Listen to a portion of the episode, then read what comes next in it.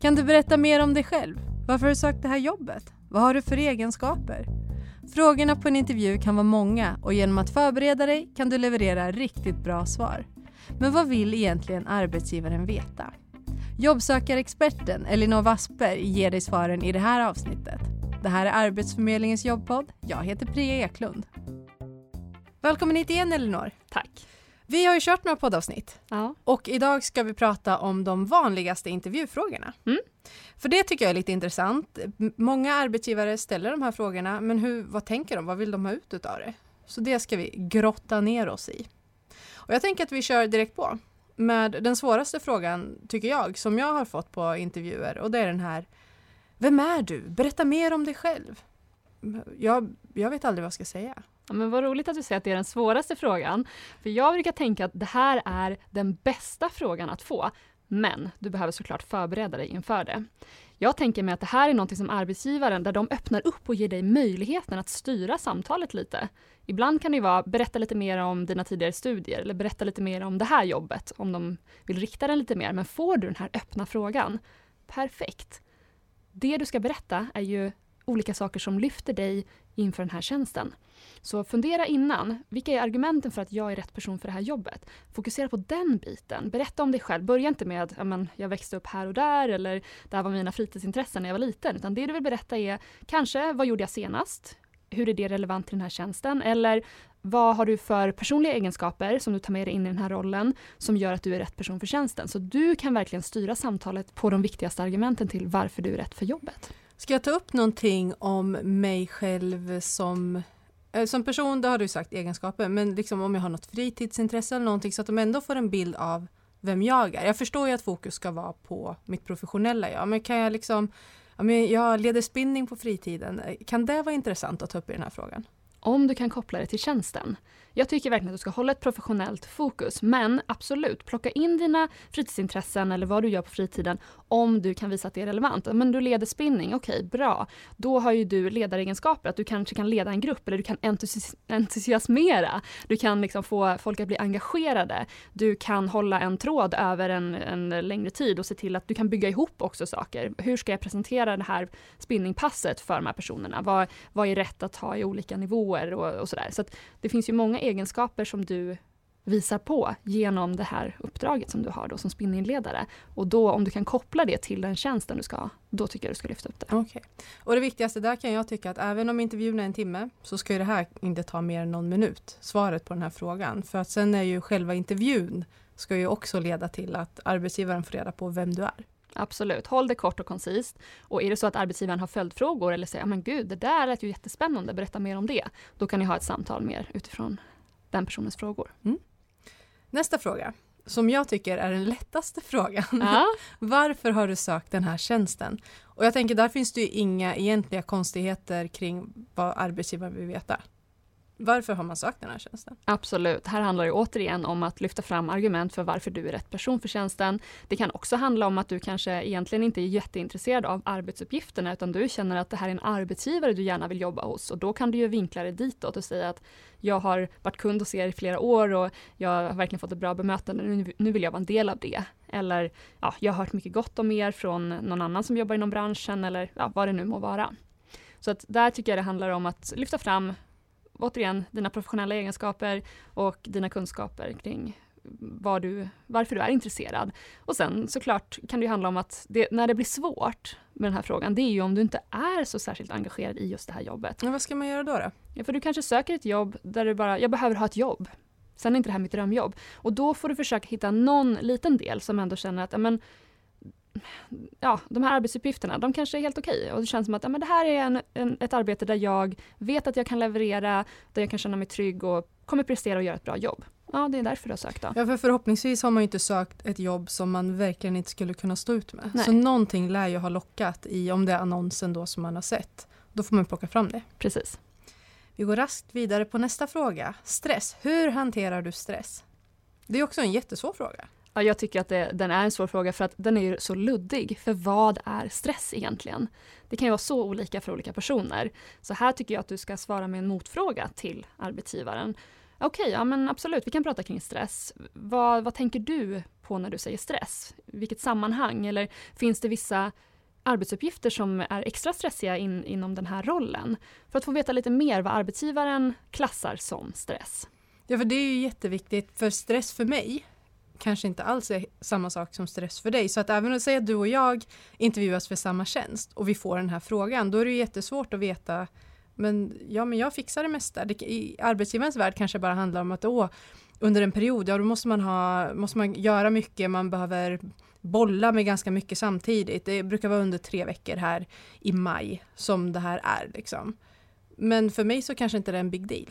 Nej, precis. Och det är därför det är viktigt att reda ut vad vad är det för typ av stress de pratar om? Handlar det om att du ska eh, ständigt vara på språng eller handlar det om att du ska kunna leverera under kortare perioder? Att det är väldigt mycket då som du säger eller ja, men är det någon annan typ av stress?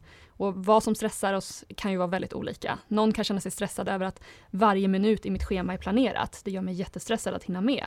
En annan kan känna stress över att, att det inte finns någon plan, att nu ska jag själv bestämma hur och när jag ska göra saker. Så att försök att reda ut lite vad arbetsgivaren funderar kring. Jättebra. Ja, men vi stressar väl vidare till nästa fråga. Arbetar du helst i grupp eller ensam? Den här frågan, ja, anledningen till att arbetsgivaren ställer den är ju för att få reda på vad du föredrar och hur du fungerar kanske i en grupp också. Men jag tycker egentligen att den frågan borde ha utretts redan i annonsen. Det är en vanlig fråga, precis som du säger. Men det borde man redan ha tänkt på. Du söker inte jobbet för en tjänst där man ska jobba i grupp om du föredrar att jobba ensam. Ja, men precis. Och du var inne på det här, det här med vilken roll man tar i en grupp. Det hör ju ihop lite grann. Men det kan ju vara så att du alltid har föredragit att jobba ensam. Men den här tjänsten så handlar det om att jobba i grupp. Eh, och arbetsuppgifterna är så lockande så att det är så här, nej men jag kanske vill testa. Ja. Då får man väl säga det. Absolut. Och det kan ju också vara så att du kanske aldrig har jobbat i grupp men du har gjort andra saker, på fritiden till exempel, i grupp. Och då är det relevant att lyfta upp de här fritidsaktiviteterna. Eller ja men vi är jättemånga syskon i min familj så att jag har fått göra saker i grupp och samarbeta. Det har jag mm. väldigt mycket erfarenhet av och det kommer jag kunna föra över även när jag gjort grupparbeten i skolan eller tidigare. Så att det kommer, inte, det kommer funka bra det också. Men, och det kan man ju koppla till det här, vilken roll tar du i en grupp? För har du aldrig jobbat i en grupp på det sättet, nej då är det svårt att veta vilken roll man skulle ta. Sen så finns det ju de här jag säger att det är ett klyschigt svar för att jag vet inte hur många intervjuer jag suttit med på som jag har hört det här där man säger så här nej men jag brukar avvakta och titta lite vilken roll tar alla andra och är det ingen som, som tar den ledande rollen då brukar jag steppa in och ta den. För jag tror att många tror att det är det svaret som arbetsgivaren vill ha. Vad tror du? Ja, alltså jag tror att det mer handlar om att få reda på vem personen är, mer än att arbetsgivaren redan har bestämt sig att vi vill ha en person som är på det här sättet. Och att de ska vara förberedda på att hur du kommer fungera. Alla personer behövs i en grupp, så därför är det svårt, det går inte att säga att ja, men du måste vara på det här sättet. Alla arbetsgivare kommer efterfråga det här. För det beror väldigt mycket på vad som redan finns i gruppen. Och säger du att jag är en ledare och jag kommer inte acceptera om någon annan är en ledare, ja det blir ju problem om det redan finns några ledarpersoner mm. i gruppen. Så det är klart att där kan ju vara, är du väldigt bestämd så kan ju det vara till din nackdel. För att, men då kommer det inte heller funka när du väl kommer mm. till arbetsplatsen. Och det här som du säger, att det är så klyschigt att säga ja men jag är lite av en kameleont och jag anpassar mig efter gruppen. Jag tror att det är många som är så. Tror du? Ja, absolut. Ja. Men genom att det är många som är så och säger det så blir det ju klyschigt att säga det för att det blir ju ja men precis som man säger att man har många bollar i luften. Det är många som kan ha många bollar i luften, men det blir klyschigt att säga det. Så man kanske får fundera på att istället ge konkreta exempel. Precis. När jag jobbade på den här arbetsplatsen så hade vi den här uppdelningen och då funkade jag bra så här. Men i en annan situation så var det på det här sättet. Så att jag är lite olika beroende på vilken grupp jag hamnar i. Ja men sätt allting i ett sammanhang. Mm. Det är ju det bästa tipset egentligen för att då kan du få en bild utav det.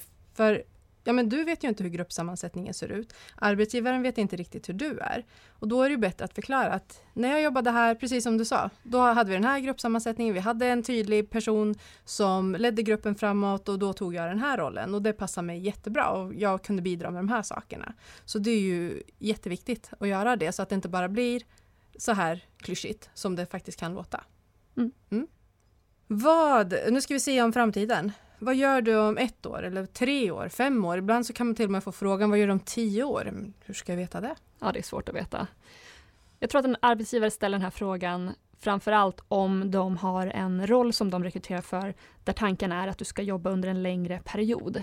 De vill att det ska vara en person på tillsvidareanställning. De, och då vill de ju veta, är du på väg bort inom ett år? Eller inom två år? Mer än så kan man ju nästan inte begära att någon ska kunna berätta om ens planer. Nej men precis, och skulle man få frågan vad gör de om fem år? Jag, jag tycker att man ska, man kan ha ambitioner. Du kan ju faktiskt ha ambitioner kring din karriär. Du kan, det kan ju vara så att nej men jag har inte tänkt att stanna kvar här mer än ett år. Det kanske man inte ska säga till en arbetsgivare. Man ska ju inte ljuga heller naturligtvis, nej. men man, du kan ju berätta vad du har för ambitioner. Att, men jag ser att jag jobbar med de här bitarna om fem år eller om tre år, tio år vad det nu kan vara. Så det behöver inte bli specifikt, ja men jag är kvar här om tio år och gör exakt samma saker. För det tror jag inte heller en arbetsgivare vill egentligen höra. Nej, det beror lite på tjänst men, men absolut, mm. det är klart att man vill ju få ut något, något mer svar och det blir ju nästan, säger du så att ja men om tio år tror jag att jag är kvar här och inte säger något mer än så, då kanske arbetsgivaren tänker att det där var nog inte så sanningsenligt. Mm. Utan då kanske det handlar mer om att om du verkligen tänker att det här är en arbetsgivare som jag vill jobba resten av livet, ja men då får du säga att jag ser att jag kommer vara kvar här för jag tror att det här är en fantastisk arbetsgivare. Jag vill verkligen jobba hos er. Jag ser att det finns många utvecklingsmöjligheter eller ja, jag tror att det kommer hända mycket inom den här branschen så att även om jag har samma tjänst så kommer det utvecklas så mycket runt omkring oss att det kommer vara givande under en väldigt lång period. Mm. Ja, jag vet inte, något åt det hållet så. Du får ju känna vad, vad som är rimligt för dig själv. Precis. Elinor, det har varit jätteintressant med de här intervjufrågorna. Jag kommer bjuda in dig till ett till avsnitt där vi ska avhandla några till sådana här vanliga intervjufrågor som faktiskt ställs på intervjuer. Mm. Men fram tills dess, tack för att du ville vara med. Men tack, jag ser fram emot nästa gång. Du har lyssnat på Arbetsförmedlingens jobbpodd med mig, Priya Eklund och veckans gäst Elinor Wassberg. Inspelningsansvarig var Mikael Johansson. Du glömmer väl inte att prenumerera på Arbetsförmedlingens jobbpodd? Genom att prenumerera så laddas avsnitten ner automatiskt och du missar inte till exempel nästa veckas avsnitt som handlar om vägledning. Vi hörs då.